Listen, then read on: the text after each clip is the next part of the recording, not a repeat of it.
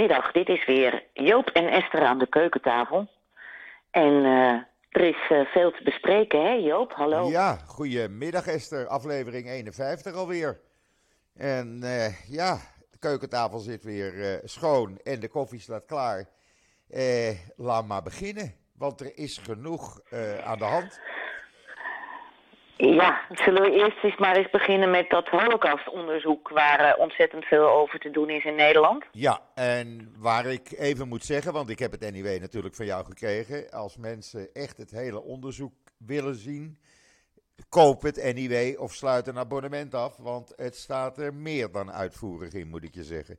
Tot in, Ja, het is niet compleet, maar het is een uitvoerige samenvatting tot in de inderdaad. kleinste Ja. details, ja. Wat Ja. ik nog in geen Ja. enkele krant heb gevonden.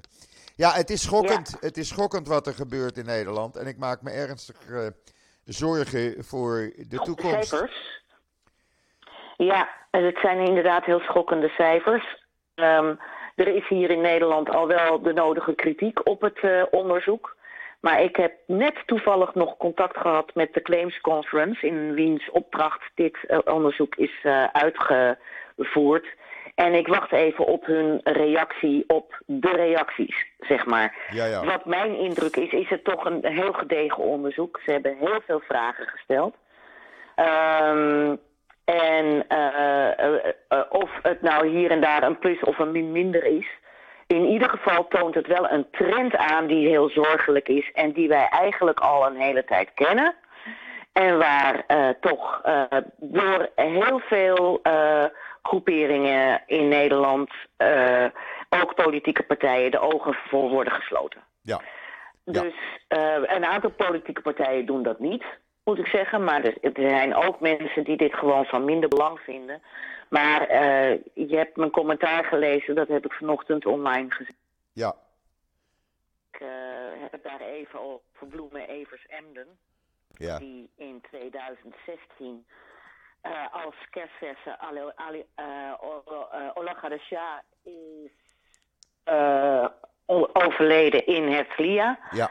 Maar eh, die ik natuurlijk vanuit Nederland heel goed kende. En zij was een van de overlevenden van Auschwitz. Ja. Ik vroeg haar destijds van zie ik je zondag in het Wertheimpark, hè? Want ook aanstaande zondag weer, weer is natuurlijk de nationale herdenking van de bevrijding van Auschwitz.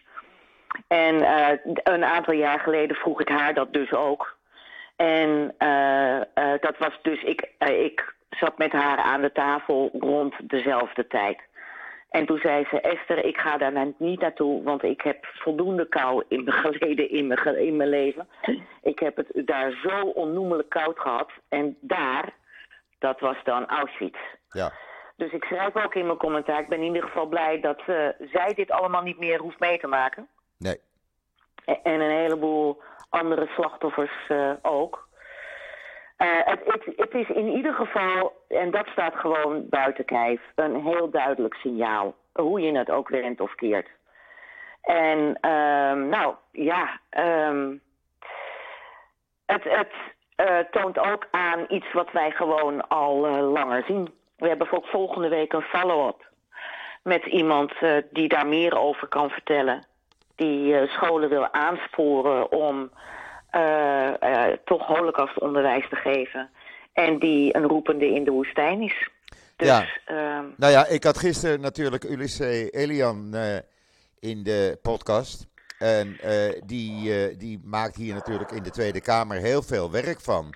Om juist dat Ja. onderwijs weer te- van start te laten gaan. Maar dat schijnt niet zo makkelijk te zijn.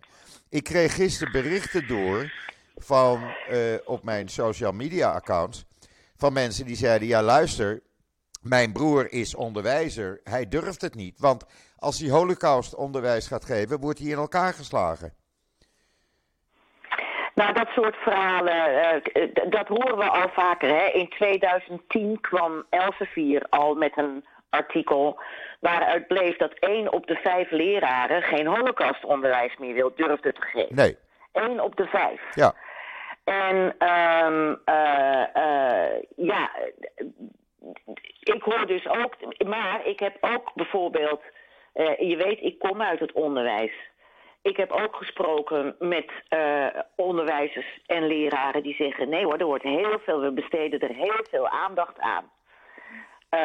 Ik, ik, ik betwijfel dat. Ik weet dan niet of ze dat zo antwoorden omdat ik de vraag stel. Ik hoor in ieder geval ook ehm, signalen vanuit de andere kant dat het erg moeilijk is om holocaustonderwijs te geven. Ja. Omdat, uh, ja, er wordt meteen vanuit de klasse gebruld, uh, de Joden doen nu hetzelfde met de Palestijnen. Ja. En als je daar als leraar geen duidelijk beeld van hebt, of misschien zelf ook erg veel empathie en solidariteit voelt met de Palestijnen, dan zul je daar wel een goed antwoord op moeten geven. En ik denk dat een heleboel leraren dat gewoon niet kunnen.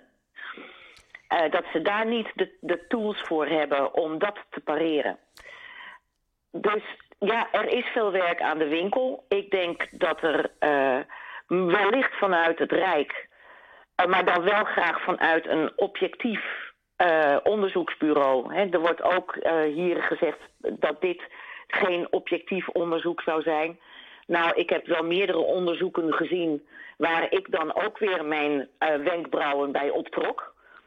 Um, uh, ik heb daar nog een hele toestand over gehad met uh, de, meneer van Kieskompas.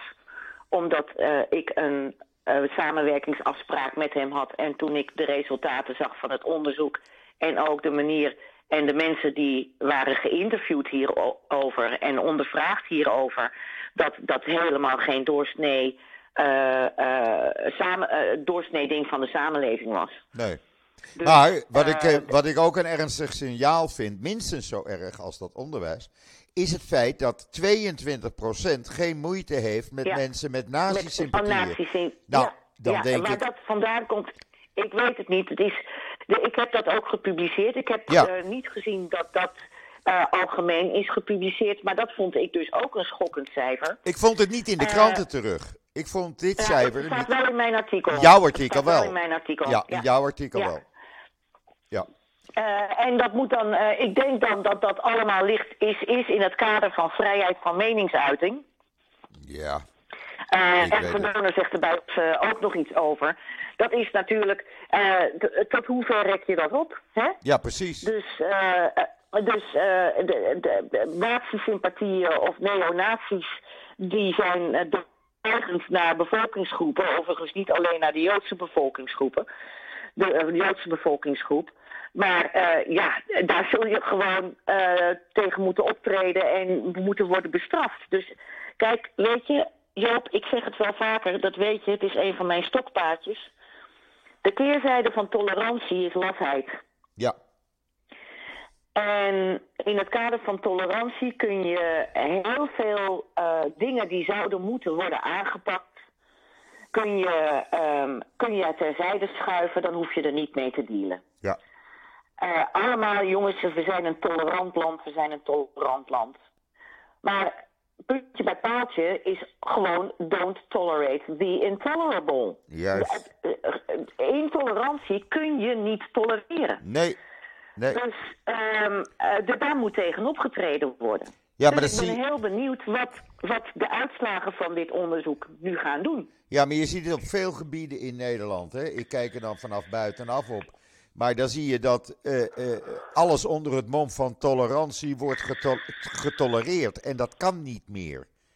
Je moet een lijn trekken, nee. je moet een grens trekken op een ja, gegeven moment. Je moet grenzen stellen. Ja, ja, ik vind dat... Je moet grenzen stellen. Ja, precies. En dat is in Nederland doorgeschoten. En of dat nog, of dat nog teruggedraaid kan worden, ik heb zo mijn twijfels. Want er is een hele bevolkingsgroep die dat niet zal accepteren als dat uh, teruggedraaid wordt.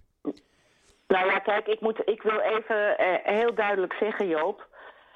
Uh, want ik krijg natuurlijk nu ook op Twitter mensen die alleen maar kijken naar moslims. Ja, maar het is niet alleen moslims. En dat is, precies, dat is beslist niet terecht. Nee. Want onder de ondervraagden zat slechts 10% uh, uh, of niet slechts, want 10% is een redelijk, redelijke afspiegeling. 10% van de ondervraagden was moslim. Ja. Of is moslim. Ja. Dus ga alsjeblieft niet zeggen van het zijn alleen maar moslims. Nee. Want, want daar doe je de zaak gewoon geen goed mee. Nee. Want het is gewoon niet zo. Nee, je kan het, Het je kan het, zo. vergelijken, je kan het vergelijken met kort na de oorlog, waarop heel Nederland in het verzet zat. Eh, leg uit, want die vergelijking begrijp ik niet. Nou, eh, kijk, kort na de oorlog eh, werd er gezegd: nee, iedereen zat in het verzet. Iedereen had Joden ondergedoken in zijn huis. En het bleek uiteindelijk 23.000 Nederlanders te zijn die daar eh, Mhm, eh, zich actief mee bezig hielden. Nu ja. wordt alles gedraaid op de moslims. Want het zijn alleen maar de moslims. Ja, ja, maar dan in negatieve vorm. maar dan in negatieve vorm. En dat, dat is niet zo. Dat is niet zo. Het Nee, zijn, Dat mag je echt niet zo stellen. we hebben in de tijd dat, dat hele gebeuren op Urk gehad. En het komt op andere plekken voor. Het is gewoon een, een doorsnee van de Nederlanders. Laat ik het zo zeggen. Nou, weet je, eh, dat was wel een terecht kritiekpunt. Ehm, dat zag ik ook. Dat staat ook in het artikel. We hebben dat staatje meegenomen. Eh, de jongeren, zoals ze dat, dat noemen, dat zijn mensen onder de 40. Eigenlijk mensen tussen de 18 en de 40. Dat is de groep die zij scharen onder de jongeren. Dat is de zogenaamde, dat zijn de millennials. Eh, mensen die geboren zijn vanaf 1980 en dat is de Generation Z. Ja. Dat is de generatie die daarna komt. Dan heb je het in totaal over eh, de bevolkingsgroep tussen de 18 en de 40. Als je kijkt naar ehm, wat de genoten opleiding is van die jongeren, dan zie je in het antwoord dat het ongelooflijk veel eh, mensen zijn die een HBO of een universitaire opleiding hebben. Dat viel mij op in jouw eh, artikel, ja. In jullie artikel in het NIW. Ja. Ja. Eh, dus dan vraag je je wel af, en eh, drie- 3% is basisschool, die heeft alleen basisschool gehad. Eh, dan heeft een percentage dus inderdaad middelbare school gehad. Maar verreweg het grootste aantal ondervraagden eh, eh, is, ehm, eh, is eh, eh, behoorlijk veel hoger opgeleid. ja. Waarvan dus eh, critici nu zeggen, ja, dan zal het waarschijnlijk hoofdzakelijk dit, dit onderzoek onder studenten zijn gehouden. Eh, dat, dat zou kunnen, dat zou kunnen. Maar dan kun je daar bijna op antwoorden. Nou, misschien is dat wanneer je ook bijvoorbeeld MBO'ers en de eh, eh, mensen met alleen een middelbare schoolopleiding, ehm, als je die eh, eh, groter maakt, misschien zouden de uitslagen dan ook nog wel nog erger kunnen worden. ja. Dus, maar eh, dat is inderdaad, dat is een discussiepunt. In ieder geval zijn deze uitslagen dus van mensen met eh, hoofdzakelijk een behoorlijk hoge opleiding. ja. HBO of universitair. Ja, het maakt het ook waard, vind ik, om juist eh, daarvoor het NIW eh, te kopen of eh, in ieder geval te lezen, want het is een zeer uitgebreid verslag wat jij erin hebt staan in het NIW. Ja. Tot in Ja, de kleinste er, details. Goed, graven, is goed te zitten graven. Zo, Ja, nou ja, een- een van, een van die uitslagen bijvoorbeeld, waar ik ook enorm van stond te kijken, dat heeft dan niet gelijk ehm, connectie met eh holocaustonderwijs, maar dat is veel meer van mensen ken je geschiedenis en we weten allemaal, allemaal dat geschiedenis tegenwoordig het ondergeschoven vak is. ja.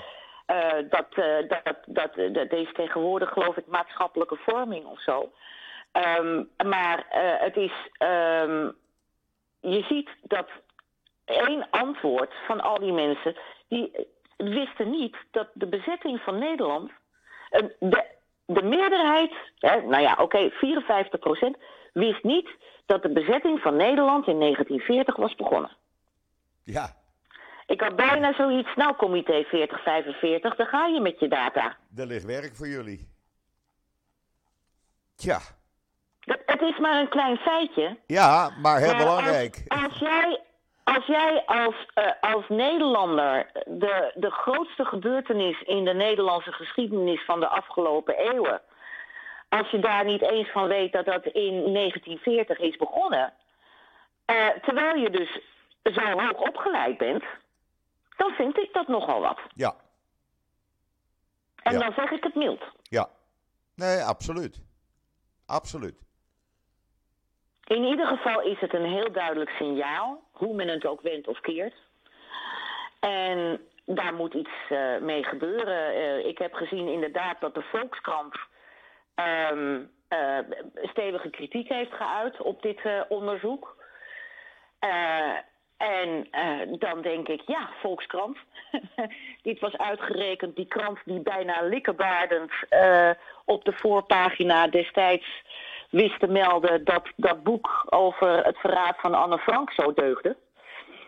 En ik had bijna zoiets van, ik wou dat jullie daar dan ook misschien wat eh, dieper eh, je werk hadden gedaan voordat jullie Ja. hadden gepubliceerd. Ja. Ja. Sorry hoor, maar dat was mijn eerste.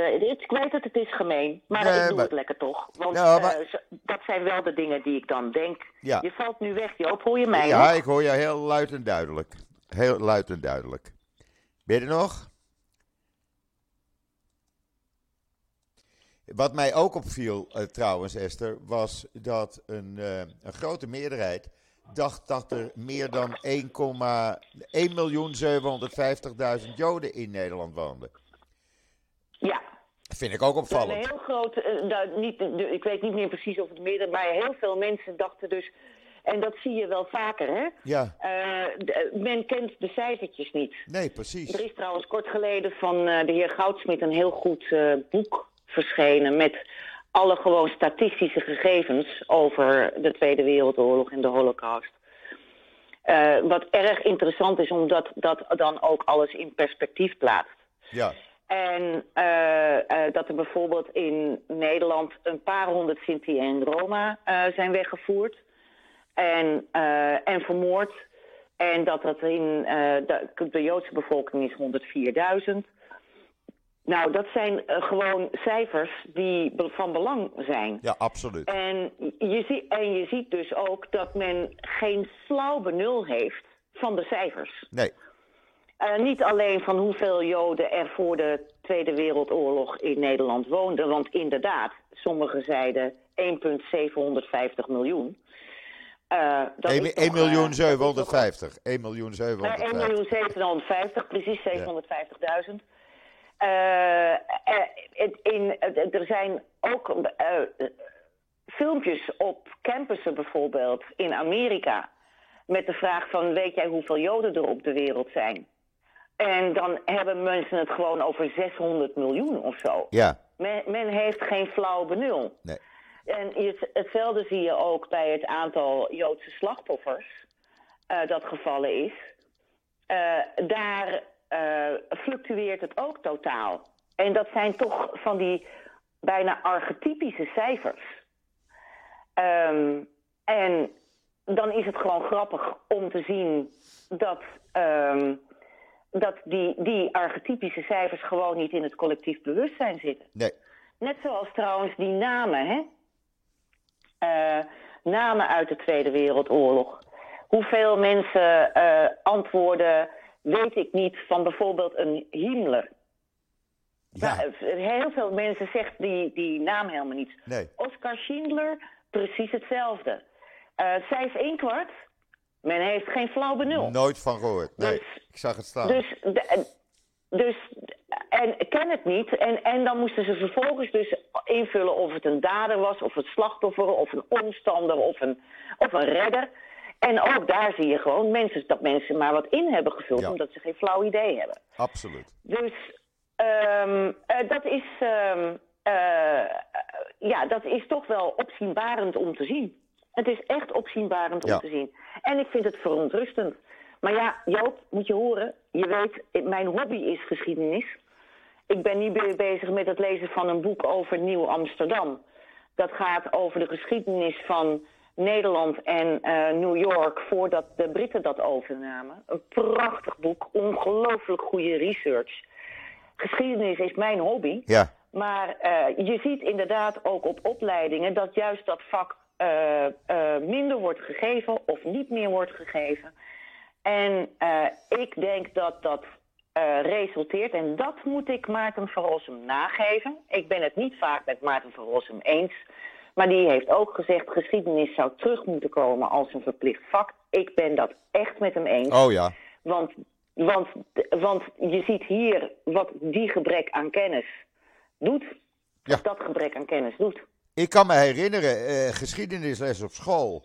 eh, hoe wij moesten leren over Columbus. Hoe wij alle details moesten leren. Hoe wij moesten leren over de Nederlandse geschiedenis van honderden jaren terug. En je moest gewoon de jaartallen uit je hoofd kennen. De slag bij Nieuwpoort. Eh, eh, me- als, je nu, 1600. als je nu mensen zou vragen. Wat was de slag bij Nieuwpoort? Dan weten ze, weten ze dat niet. Dat weten ze Nee, niet. maar, en, maar, eh, en dan is, altijd is het 1600. Kijk, je hebt natuurlijk feitenonderwijs. Dat is ook een beetje zo van, van, eh, van wanneer begon de Nederlandse bezetting? 1940. Eh, maar eh, het is veel belangrijker om, om het ook in het sociale en in het maats- de maatschappelijke ontwikkelingen te zetten. Maar doe dat dan ook. Ja, En, eh, en dat. en, want als je niet weet waar je vandaan komt, weet je niet waar je naartoe gaat. En Nee. we weten het allemaal. Hitler zei het al. Hè? Ehm, joh, eh, eh, eh, d- mensen vergeten het toch, want de Armeense genocide, en dan had hij het over de Holocaust. eh, de, de, zullen we maar zeggen. ja. Eh, want eh, iedereen is ook al de genocide op de Armeniërs vergeten. En eh, je weet, er zijn destijds eh, rond een miljoen Armeniërs de dood ingejaagd door het eh, Ottomaanse Rijk in 1915. Ja. Wat tegenwoordig dan Turkije is. Ja. En wat Turkije nog steeds ontkent. Ehm, en eh, Hitler zei dat zelf van, kijk maar, mensen vergeten heel snel. Ja. En de enige manier waarop je niet vergeet is als je in ieder geval als het je bijgebracht wordt. En als je er ook over wordt over, over hoort. Dat je niet in de klas gaat zitten met ene oor in en het andere oor uit. Van dit boeit mij niet, dus ik zit niet op te letten. Maar geef er maar een schriftelijke overhoring over als die er nog zijn. Ik Ja. eh, nu eh, als eh, oude miep van bijna, 60. Want daar is zoveel in veranderd. Eh, maar maar toets het. Ja. Weet toets het. En, en, want dan kun je daar een conclusie uit trekken. Dat is Precies. eigenlijk wat ik probeer te zeggen. Precies. En het is hetzelfde. eh, dat is hetzelfde met de Palestijnen. Men gaat er maar van, vanuit dat er altijd een Palestijns volk is geweest. Ja? Ja, maar die zijn de- zich pas in de jaren 60 Palestijnen in gaan 1964, ik zeg het nog maar eens een keer. In 1964 was er een, Egypte, een Egyptenaar met de naam Yasser Arafat. die een toespraak hield in Tunesië, in Tunis, op de universiteit. En daar Mhm. voor het eerst het woord Palestijn gebruikte. Dat was Ja, in maar 1964. Dat is helemaal waar. Dat klopt helemaal. Daarvoor sprak men alleen over Arabieren. Juist.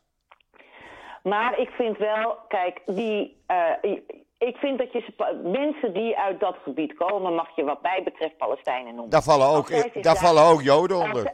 Daar vallen ook Joden onder. als zij zegt, ja, dat is natuurlijk de, dat is de semantische discussie. en, eh, en, en daar leg je het gewoon tegen af. Ja, ja. Want dat is natuurlijk helemaal waar. We kennen allemaal die prachtige posters van voor de staat Israël. eh, van, eh, vanuit de Joodse bevolking van Israël, come to Palestine. Want zo heette het Britse mandaatgebied. Juist. Juist. Dus, ehm, eh, en die hangt bij dierbaren van mij aan de muur, want het zijn beeldschone posters. Het zijn hartstikke mooie posters. En dan heb je het inderdaad over Palestine. Maar laten we. eh, Dat is een discussie. Dat is een ander verhaal. van, Oké, Dat- la- la- laat, laat, het- laat dat gaan. Ja, Weet je? nee, maar ik deed het even Maar- in de trant van geschiedenis. Snap je? Mhm. Dus, eh, Ja. maar goed, we hebben nu, nu we toch over geschiedenis praten, we hebben dan zondag, of eigenlijk morgen, is dan eh, de internationale Holocaust-herdenking. Ja. Ja. Waarbij in eh, New York morgen het eh, namenboek wordt, eh, ja, permanent wordt tentoongesteld in de, het gebouw Ja. van de Verenigde Naties. Ja, en, en onze grote held Jacques Grishaver spreekt voor de VN. Ja, fantastisch. Jacques is natuurlijk de man, de voorzitter van het Nederlands Auschwitz-comité. Die eh, de namenwand voor elkaar heeft Ja. gekregen. Want zonder hem Had hij was nooit dat niet gelukt. Nee. En, ehm, eh, en ik vind het toch wel, ja, ik vind het toch wel heel bijzonder. Hij spreekt morgen in New York eh, bij de VN. Dan vliegt hij zaterdag terug om zondag in het Wertheimpark bij de jaarlijkse Auschwitz-herdenking te zijn. Ja. De man is in de tachtig, hè? Ja, het is niet te de man geloven. is in de tachtig. Ja, hij is diep in de tachtig. Ja, bijzonder. Ja, Bijzonder. dus... Nou, ik dat niet zijn, of hij diep eh, in de tachtig is, maar hij is in de tachtig. Maar dat is voor de Joodse gemeenschap altijd toch een, eh, ja, eh, een moeilijke periode, zeg ik dan maar. Want je wordt Ja, dat- als Joodse familie toch weer op de holocaust eh, gedrukt en alles wat daarbij zit. Ik bedoel, we hebben de I Remember eh, eh, muur, om het zo maar even Ja. te zeggen, van Yad Vashem. Ik heb eh, de naam van mijn moeders broertje weer ingevuld, Simon Kaun, 16 jaar vermoord in Auschwitz. En dat kan iedereen doen. Hè? Je kan dus gewoon naar de website van Yad Vashem gaan, I Remember eh, aanklikken en een naam, willekeurige naam pakken of iemand van iemand die je kent. En dan blijft die naam voor altijd eh, levend. Dat is een heel mooi En je, initiatief. je, je familielid van jou twitterde vanochtend een foto eh, van zijn... eh, van zijn ehm, Ja, mijn zwager, Appie. precies. Van, ze, van Een de, foto van de drie zoons van... een eh, Joodse familie. ja. Ja. van eh, een Joodse familie. Daar zitten iets van, nou, hoeveel mensen zijn het? 16, 20? Allemaal vermoord. Ja, ik weet dat in totaal, als we alles bij alles stellen in onze familie, eh, hebben we het over 337 mensen. Kun je Mijn, nagaan. mijn, mijn, Ja. mijn grootvader, de vader van mijn vader, had al zes broers. Die weer kinderen hadden. Die ook weer getrouwd waren. Dus ga maar tellen. Ja, en eh, eh, de- de- de- je hebt het over van dit is een trieste periode. Eh, dat klopt. Dat merk ik ook aan mijn lezers. Ehm, wij beginnen eh, dus nu eh, met eh, dit nummer in het NI, eh, dit NIW-nummer met de Auschwitz-herdenking. Door daar aandacht op te vestigen. En we hebben een, vind ik, uitstekend artikel van Bart Schut. Want iedereen heeft het altijd over die bevrijding van Auschwitz. Maar hoe heeft die nou daadwerkelijk plaatsgevonden? Hoe is dat in zijn werk gegaan? Nou, eh, Bart heeft daar een heel mooi artikel van vier pagina's over ges- Ja. eh, geschreven. Dat heb je deze week in het NIW. We doen ook in deze periode meer met oorlogsboeken. En die, die periode, die noemen wij de periode van tussen ehm, eh, eind januari, dus tussen de, eh, de eh, Auschwitz-herdenking en 4 en 5 mei. Dat Ja, is voor ons de periode waarin wij meer doen aan de Shoah. Ja, dat doen we expres, dat concentreren we ongeveer in deze tijd.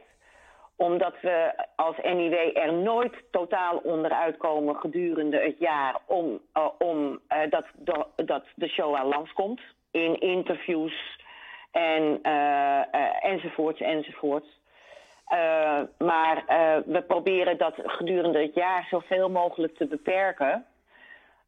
Omdat, niet, omdat anders onze lezers voortdurend maar daar maar weer weet, mee worden geconfronteerd. ja, En wij weten dat eh, er ook een Joods leven voor de Shoah was en ook een enorm Joods leven na de Shoah. absoluut. Dus wij willen niet iedere, eh dit hele jaar door maar die nadruk leggen op de Shoah, maar in deze periode eh, besteden we daar dus meer aandacht aan. Ja, alhoewel hier in Israël, hier in Israël hebben we natuurlijk Yom HaShoah, een week voor onafhankelijkheidsdag.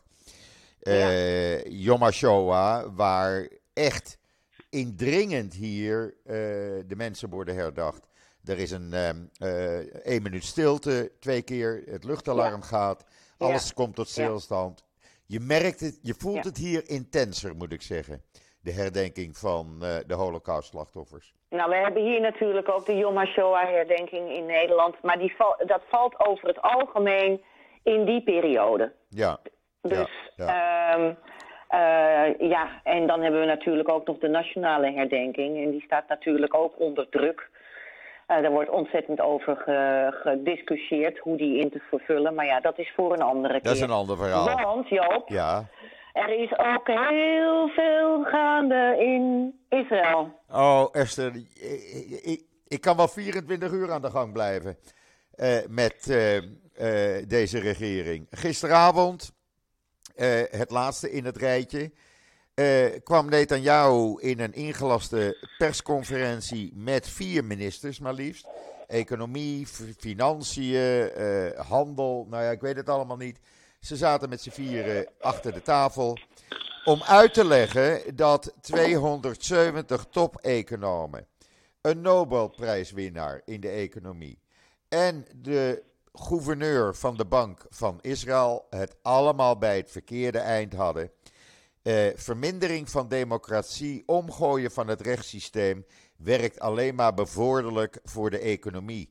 De economie zal daardoor gaan groeien. Nou, dat is wat net aan jou heeft gezegd.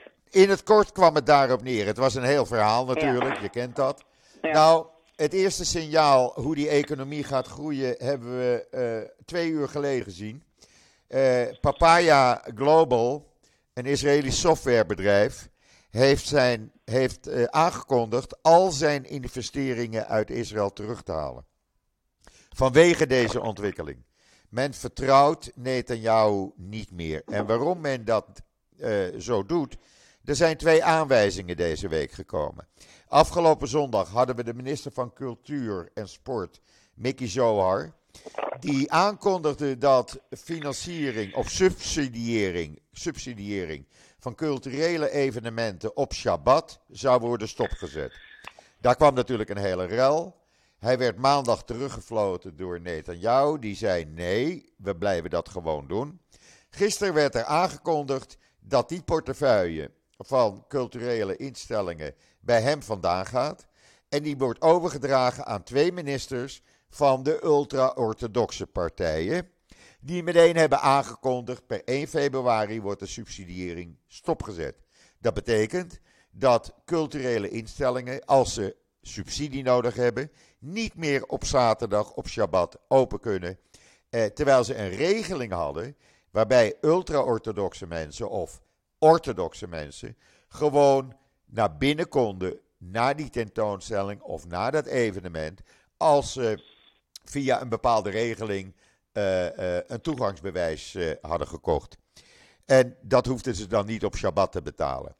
Nou, dat wordt dus stopgezet. Dat is het eerste. Daarnaast hebben we gekregen dat gisteren werd aangekondigd door de ultra-orthodoxe partij, de UTJ, UJT, dat het gemengd baden, te beginnen met 15% van de tijd, in natuurparken, in bronnen, onder watervallen, uh, 15% van de tijd wordt verboden. Of als deze mensen uh, eigenlijk zeggen van. Ja, er wordt, er wordt, er wordt verboden. Ver, dat wordt speciaal gereserveerd voor gescheiden baden. Dus mannen ja, alleen en vrouwen maar alleen. Maar Esther, ik, wij hoeven toch niet te leven zoals een minderheid van de bevolking leeft. We praten over 14... Ja, ik ben het zo totaal 14 procent van de bevolking probeert de rest van de bevolking ja. hun ja. levensstijl op te dragen. Ja. Waar hebben we het over? Ja, ja. Als ik met jou op Tiool ga en wij gaan in, in een van die bronnen in Eingef of Engedi, dan moet dat kunnen. Ja. En dan moet er niet een mannetje wel. staan die zegt: hé, hey, uh, dat kan niet. Vrouwen links, heren rechts. Ja, nou ja. zeg, lazeren en heen. Ja. Ik ga niet zo leven ja, zoals... Het is heel, daarbij, daarbij komt, uh, laten we wel zijn, over Shabbat. Iedereen die Shomer Shabbat is, uh, uh, die gaat niet uh, op uh, Tioul op Shabbat. Nee. Want dan mag je niet rijden. Nee. Dus waar gaat dit over? Ja. ja. Maar het begint met 15%, hè? En voordat je het weet, zit je op 100%. Dus ja, de vinger en de hele hand. Het, het is echt, want ze hadden bij de vorming van de verkiezingen al aangekondigd dat ze zoveel mogelijk hun levensstijl aan de rest van de bevolking willen ja, opdringen. ja, je kunt niet zeggen dat, ze, dat je er door verrast kan worden, want ze hebben het duidelijk aangekondigd. Ik ben totaal niet verrast. Ik heb al begin januari geschreven, oh binnenkort kan ik Ja. niet meer naar het strand een eh, pilsje drinken. Op Shabbat. Ja, Want Ja. dat mag dan niet meer. ja. Kijk, en ik die heb, er, kant gaat het echt op. ik heb geen enkele moeite dat de winkels dicht zijn op Shabbat, over het algemeen. Hè? Maar ik heb er wel moeite mee als mij een levensstijl wordt opgedrongen die niet mijn levensstijl is, maar een levensstijl van een minderheid van de bevolking. Daar heb Mhm. ik moeite mee. En, dat, Ja. en daarvoor sta ik te demonstreren. Ik ben geen demonstrant, maar ik was daar afgelopen zaterdagavond. En ik moet Ja, je zeggen, ja, het geeft een enorm gevoel van verbondenheid. Het, het emotioneerde mij zelfs op een gegeven ogenblik. Dat daar al die tienduizenden mensen bij elkaar stonden. Het waren er 150.000 bijna. Die bij elkaar stonden en die aan het, aan het zingen waren, aan het, aan het roepen waren: democratie, democratia. En ja, dat, dat geeft zo een enorm gevoel. Het deed mij denken aan de tijd in 2011 dat ik ook bij die demonstraties was tegen de hoge kaasprijzen. Ja, mind you. En we met meer dan een half miljoen mensen door Tel Aviv liepen. Ja. En ja, dat de gaat. beroemde cottage cheese demonstraties. Juist, dat gaat nu ook weer gebeuren. Je zal zien, komende zaterdagavond, het is goed weer, het, het is zelfs warm, dan, dan misschien 200.000 mensen. Ik weet het niet, maar men is het zat hier in Israël. De, de, het, het grote Ja, maar deel... het is allemaal wel laat op gang gekomen, Joop. Ja. En daar hebben wij ons ook allebei over verbaasd. hebben we ons constant nu, over eh, verbaasd. Nu, nu iedereen wakker lijkt te worden. Ja, natuurlijk wordt men wakker. Maar, maar eh, natuurlijk ja, omdat men nu de consequenties ziet. Maar die consequenties die konden we inderdaad, wij hebben het al veel No- eerder over november. Die kon je al maanden, na maanden geleden zien aankomen. Ja, die kon je in november al zien aankomen. Maar mijn vraag is dan, is het nu niet te laat? Nee, het is niet te laat. Dat is niet te laat. Want ik merk aan alle kanten. En ik heb het er met veel met anderen over. Het is niet alleen mijn mening. Ik spreek ook met mensen, want ik wil weten hoe men denkt. Ik merk bij eh, eh, mensen hier in Israël dat men zegt: deze regering is aan het eh, in paniek. Die zijn paniekvoetbal aan het spelen op dit moment. Je merkt dat aan alle eh, dingen die er gebeuren.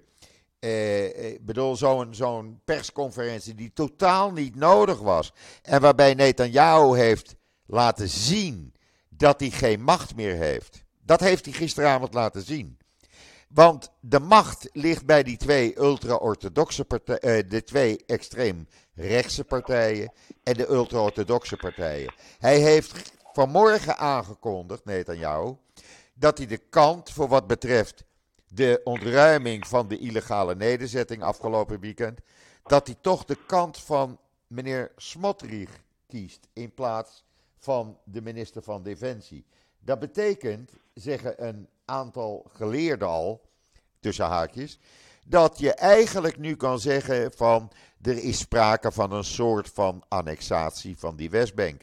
Want daar geeft die hele Westbank-beslissing, n- haalt hij uit handen van de IDF en geeft die in de handen van meneer Smotrich, een ex, eh, extreemrechtse kolonist die ook in een van die nederzettingen woont. En die die Ja, illegale nederzettingen... Iedereen kan op zijn vingers natellen dat this is not good news. Dit is slecht. Dit is hartstikke Ja. slecht. En ik, Ja. kan het, ik ben het zo eens met Hans Knoop in zijn artikel deze week in het NIW. En Ja. ik ga het niet voorlezen. Ik lees Nee. alleen de laatste zin voor van Hans Knoop. Ik zou nu geen Alia maken. En ik ben Nou het ja. zo eens met hem. Ik ben het zo eens Ja. met hem. Want Nou ja, Joop, dat, wij hebben het in het voorgesprek er ook over gehad. Eh, als ik uit dit land zou vertrekken en ehm, eh, ik hoop dat de ontwikkelingen hier dusdanig zijn dat dat niet eh, hoeft. ehm, dan, dan staat Israël stond altijd als eerste op mijn lijstje. En eh, daar twijfel ik nu, begin ik ook ernstig aan te twijfelen. Want inderdaad, als dit zich doorzet, dan hoef ik niet zo nodig naar Israël. Daar zullen dan de, de orthodoxen zullen daar om juichen. Ja, Want eh, hoe minder eh, seculier levende Joden eh, die kant op gaan, hoe machtiger zij worden. Maar het is een zeer verontrustende ontwikkeling. Terwijl ehm, eh, Israël in principe een land is waar je als Jood hier in Europa steeds vaker naar kijkt. Want let wel, wat er nu in Israël gebeurt, dat heeft ook weerslag op, op de diaspora. ja, Op de Joodse Absoluut. gemeenschappen hier. Nou, hij heeft iemand, hij heeft al een eh, een of andere minister of adviseur naar Amerika gezonden gisteravond Van ga het even uitleggen aan de Amerikaanse Joodse organisaties dat, het, eh, dat ze gewoon op Alia moeten komen. Ja, Ja, dag. Eh, kijk, ik kan je één ding zeggen. Het gaat niet gebeuren. We zullen hier even doorheen moeten. Maar over een paar maanden, binnen een paar maanden, is dit achter de rug. Daar ben ik van overtuigd. Daar ben ik zo van overtuigd. Want ik zie die demonstraties, ik voel die kracht. De Israëli, ze, pakken het, ze pikken het niet meer. Echt niet. Ze zijn het zat, ze laten zich hun vrijheid, hun democratie niet afnemen. Als daar, Mhm. Als daar tienduizenden mensen tegelijk democratia staan te schreeuwen, nou dat, dat, dat voel je, dat voel je in je lijf. Echt waar. Mhm. Dan weet je dat de mensen het niet meer pikken. En ik, ik ben ervan overtuigd dat Netanyahu nooit verwacht had op een dergelijke reactie die alleen maar groter zal groeien. Want het is niet alleen in Tel Aviv. Die Ja, maar hoe demonstraties kan zijn door het hele niet land. hebben voorzien? Omdat kan je een, nou niet hebben voorzien? omdat een Israëli, de Israëli, de gemiddelde Israëli, was al die verkiezingen zat. Vijf verkiezingen in een korte tijd. Hallo, waar zijn we mee bezig? Eh, ik ga nu lekker naar het strand. Ja, wat was het? Vijf, vijf verkiezingen in drie jaar was het, hè? Ja, binnen drie jaar. Binnen drie jaar. Ja. Dus men was het zat, die hele politiek. En men geloofde het wel. Maar ja, nu is het. maar ja, nu zie, nu zie je de consequenties. Nu Nou. zie je wat er gebeurt. Ja, precies. En nu vecht men terug. Nu vecht men terug. En men gooit het bijltje er niet bij neer. Echt niet. Echt niet. Als ik zaterdagavond zag ik jong en oud, rijk en arm. Iedereen was daar. Het, de, de, de, een, ja, heel Israël was daar. Echt, het was niet een Mhm. bepaalde groep. Het waren niet Mhm. alleen linkse mensen. Er waren ook rechtse mensen bij. Er waren Mhm. Likud-stemmers bij. Ik heb buren. Mijn buren, dik in de tachtig. En ik, ik spreek ze elke dag, want de deur staat open. En dan loopt mijn hond altijd naar binnen. Dus ik spreek ze. Ja. En die zijn dik in de tachtig. Altijd Likud gestemd. En die zeggen, Joop, ik wou dat we met je mee konden om te demonstreren. Want dit gaat verkeerd. En waarom gaan ze dan niet mee? Omdat ze te oud zijn. Oh, Oké, ze zijn te oud. Ze ja. kunnen amper dat lopen. Is een, dat is een re- ja, precies. Dat is een reden. Ja. Ja. ja. ja. Maar die reageren op deze manier. En zo zijn er Mhm. velen. Dus zo zijn er echt velen. Dus ik ben wat dat betreft eh, niet bang. De Israëli zal het niet accepteren. Die laat zich zijn vrijheid, haar vrijheid niet afnemen. En die Mhm. blijft op zaterdag naar het strand gaan. Die blijft naar een restaurant gaan op Shabbat. En dat moet ook zo kunnen. We respecteren elkaar en we laten niet elkaars eh, levenswijze opdringen. Daar beginnen we niet aan. Nee. Nee. Maar het, het, bet- het, het betekent wel never a dull moment op dit moment. En je kan je constant kwaad maken. En vandaar dat ik dan maar eh, naar Fouda kijk s'avonds om even te relaxen op dit moment. ik, heb, ik, ik ben natuurlijk, ik denk dat misschien een aantal, de mensen, mensen zullen het wel weten, want jij, ik ben echt niet lekker geweest de, de afgelopen tijd. Nee, ik had het- ik had het aangekondigd. De mogelijkheid om Fouda te bingen. Ja, dat heb ja. ik ook gedaan. Ik heb alle twaalf afleveringen binnen 24 uur gezien. Zo. Nou, je bent niet de enige hoor. Je bent niet de enige.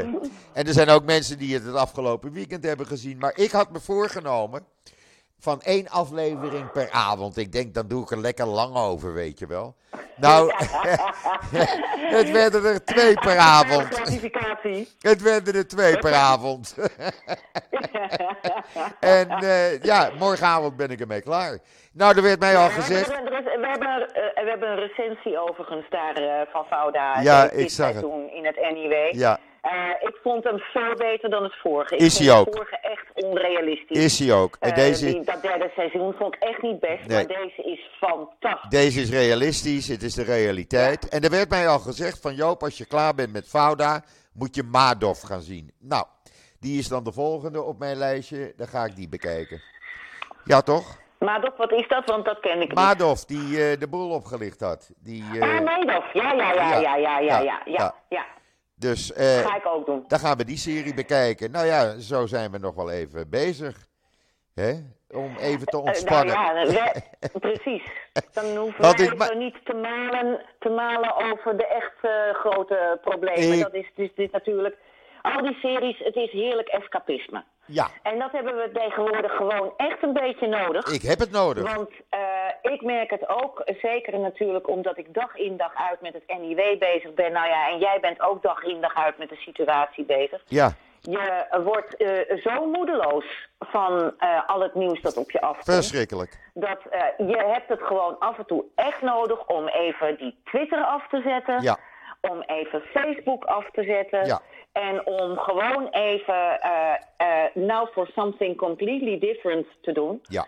En wat ik erg leuk vind van Fauda is dat het in het Ivriet is. Dus ik merk precies wanneer ik iets wel en niet versta. Weet je wel? Ja, ja, ja, ja, ja, ja, ja, ja. Dus dan ineens denk ik, oh ja, dat woord ken ik nog ergens van. en Ja. dan zie ik natuurlijk de Nederlandse vertaling eronder. Dan denk ik, oh ja, dat was het, weet je. Ja, Dat ja nou, Nederlandse vertaling. Nederlandse vertaling heb ik niet. Want dat, eh, dat lukt niet hier. Nee. Dus eh, Mhm. ik, eh, ik eh, luister dus in het Evriet. En ik kijk met een half oog naar de Engelse vertaling. Om zeker te zijn dat ik het allemaal juist begrijp natuurlijk. Ja, ja, ja, begrijp ik. Ja. Dus, eh, maar hij is, hij is subliem. Hij is subliem. En ik heb Lior ook een, een mailtje gestuurd. Want wat is er gebeurd eh, toen Michelle in het ziekenhuis lag in de laatste weken van haar leven in 2018? Zaten we regelmatig buiten, eh zijn de rolstoel, en dan gingen we buiten met de familie zitten op het terras van het ziekenhuis, Igelov ziekenhuis. En op een Mhm. gegeven ogenblik zat Lior daar. En eh, die Mhm. dus door, door rond speelt. En ik zeg, laten we naar hem toe gaan. Nee, ik durf dat niet. De, hoofd- En de hoofdpersoon in Ja. de, de hoofdpersoon in de hoofdrolspeler. En nee, ze, hij zit met mensen, laten we hem niet lastigvallen. Je weet hoe ze was. Eh, altijd op de achtergrond, maar ze was zo blij ermee, want ze was gek van Fouda natuurlijk. En eh, eh, een paar weken later overleed ze. En ik heb hem nu eh, een berichtje gestuurd van eh, hoe goed het haar deed om hem te zien, om jou te zien, schreef ik hem. Eh, Ja. eh, ja, want dat was eigenlijk het laatste wat ze zich realiseerde. En dat was Doron. Dat was Lior. Oh, Ja, jeetje. Echt ja. bijzonder. Ja. Echt bijzonder. En hij zag er ook precies zo uit zoals hij in die serie eruit ziet, hè? Ja, ik heb, ik heb eh, Avi Ischariov heb ik destijds geïnterviewd. De Ja, schrijver. de schrijver, medeschrijver, van het eh, ja. stuk. Medeschrijver. Dat eh, staat ook online, geloof ik. Moet ik even kijken. Want die is ook ambassadeur voor Save a Child's Heart. Ja, Dat is een Israëlische instelling die kindjes, eh, eh, waar dan ook vandaan, zelfs uit Gaza, ehm, eh, ja, zorg- zorgt dat die kinderen geopereerd worden aan, ja, ja, inderdaad aan hun hart. Zijn Ja, heel, in het Wolfson, het Wolfson Ja, ziekenhuis. Ja. daar zorgt hij voor. West, Westbank, Arabisch, Joods, Druus, maakt Ja, allemaal niet maakt uit. allemaal niet uit. Iedereen wordt gezond, uit Gaza komend of niet. Die kinderen worden allemaal gered daar. Ja. Eh, en eh, daar is hij ambassadeur voor. En in dat kader heb ik hem, natuurlijk heb ik hem toen ook gevraagd naar Fauda. Maar in dat kader was hij toen destijds hier ook in Amsterdam. Ja, ja. Dus eh, ja. Nee, maar die Lior, die Ja. Doron, die ziet er in het echt net zo uit zoals hij in die serie eruit ziet. Absoluut. Ja, is ja. Hij is niet opgemaakt. Hij is niet opgemaakt, kan ik je zeggen. Nee. Het is echt helemaal rauw, rauwe realiteit. Ja. Nou ja, dat is die serie natuurlijk ook. Ja, ja, ja. Als je ziet ook wat er vandaag gebeurt in Janine, dan denk je inderdaad Fauda. Ja, precies. Precies. Dat was ook Fouda wat zich eh, vanmorgen afspeelde in Jenin. Ja, Eh, ja. Zes doden volgens de IDF, negen volgens eh, de Palestijnen. Het ging om, een gerichte actie, wat weinig bij daglicht wordt gedaan eigenlijk. Maar het werd bij daglicht ja, door de gedaan. Shinbet. Ja. Door, ja. ja. door alle veiligheidsdiensten eigenlijk. Die waren erbij betrokken. Mhm. Men is met een melk, in een melkauto, mind you, een vrachtwagen die melk vervoert, is die eh, eenheid het kamp ingegaan. Mhm. En eh, men heeft gericht een terreurgroep eh, uitgeschakeld. Het was niet zomaar willekeurig. het- het- dat, dat is helemaal duidelijk. En ik wil even nog, maar eens ten overvloede het woord kamp uitleggen. Het is geen kamp. Dat, zie- dat, precies, dat zie je ook bij Fauda heel erg. Dan, dan is het het dit kamp en het dat kamp. En dan zie je gewoon een wijk. Het is En, een, eh, eh, Je- ik weet nog- Jenin is een stad. Ik- Janine is een stad, en maar ja, dan, men heeft het dan over vluchtelingenkampen. En mensen hier denken, stellen zich dan voor dat iedereen nog in een tentenkamp zit. Ja, nou, Eh, of, in, of in containers, containerwoningen. Maar daar is natuurlijk daar is totaal geen sprake van. Dat, dat, eh, ik weet nog dat ik eh, als directeur van het CIDI destijds op de journalistenreis eh, journalisten heb meegenomen naar zo'n kamp. ja. En daar zat een cameraman bij van Marokkaanse afkomst. En die was vooral, ja, die had, die had bepaalde beelden zoals die ook graag worden getoond vanuit, zeg maar, een hele erge anti-Israël hoek. En eh, wij liepen dus al in het kamp en hij zei, wanneer komt het kamp nou? Ik zeg, dit is het kamp. Hij zegt, maar waar zijn de tenten? Ik zeg, dit is het kamp. Ja. Er zijn geen tenten. Het zijn straten, het zijn woonwijken, het zijn winkelstraten, alles.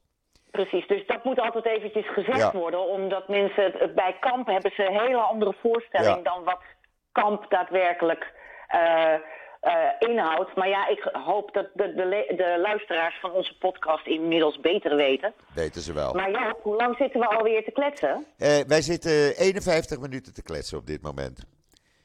En eh, Zijn er nog urgente zaken? nee, er zijn geen urgente zaken. Ja, het weer. Dit is het wel, hè? Het weer. Het is gewoon voorjaar in Israël al de hele week.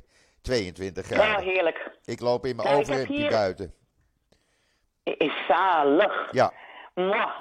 Ik, eh, ik, ik zit hier ook met een blauwe lucht, maar het is hier net boven nul. ja, ja.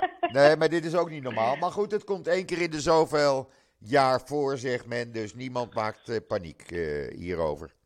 Iedereen zegt, ach, do- door de eeuwen heen is dat altijd geweest. Dus nou ja, dat zal dan wel. Zo wordt er hier gereageerd. De regen komt wel, we hebben februari nog. Ja, en maart. We hebben- Vorig jaar is in maart ook nog zo oh, weer geweest verschrikkelijk, verschrikkelijk. Ja. Maar goed, voorlopig Ja. genieten we ervan. En het komt de demonstraties, Zeker alleen maar, te, doen. komt de demonstraties alleen maar te goede. Hè? Absoluut. Nou ja, laten we zeggen, die eerste demonstratie, dat, dat was kledder, kleddernatte regen. Iedereen 80.000 stond met man. een paraplu. Precies. 80.000 man. Dus daar, dat, nou, voordat een Israëli met regen naar buiten gaat, moet er heel wat water door de Jordaan. Nou, dat bedoel ik. dus eh, ja, dus dat was wel een teken. Ja, ja, ja, ja. Jaap, wat vind je ervan? We gaan er een eind aan, wensen? we gaan er een eind aan breien. Ik wens eh, jou en alle luisteraars een mooi weekend en Shabbat Shalom alvast vanuit Israël. Insgelijks. En, eh, En- wij spreken elkaar weer heel snel. Ja, we- we- nu weer gewoon over 14 dagen. Nu weer eh, gewoon bij over- leven en welzijn. bij leven en Dat welzijn. was echt een uitzondering vorige week. Ja, nou ja, dat kan Ja? gebeuren. We zijn ook maar mens. Kom op. Eh, ja. ja, nou en of.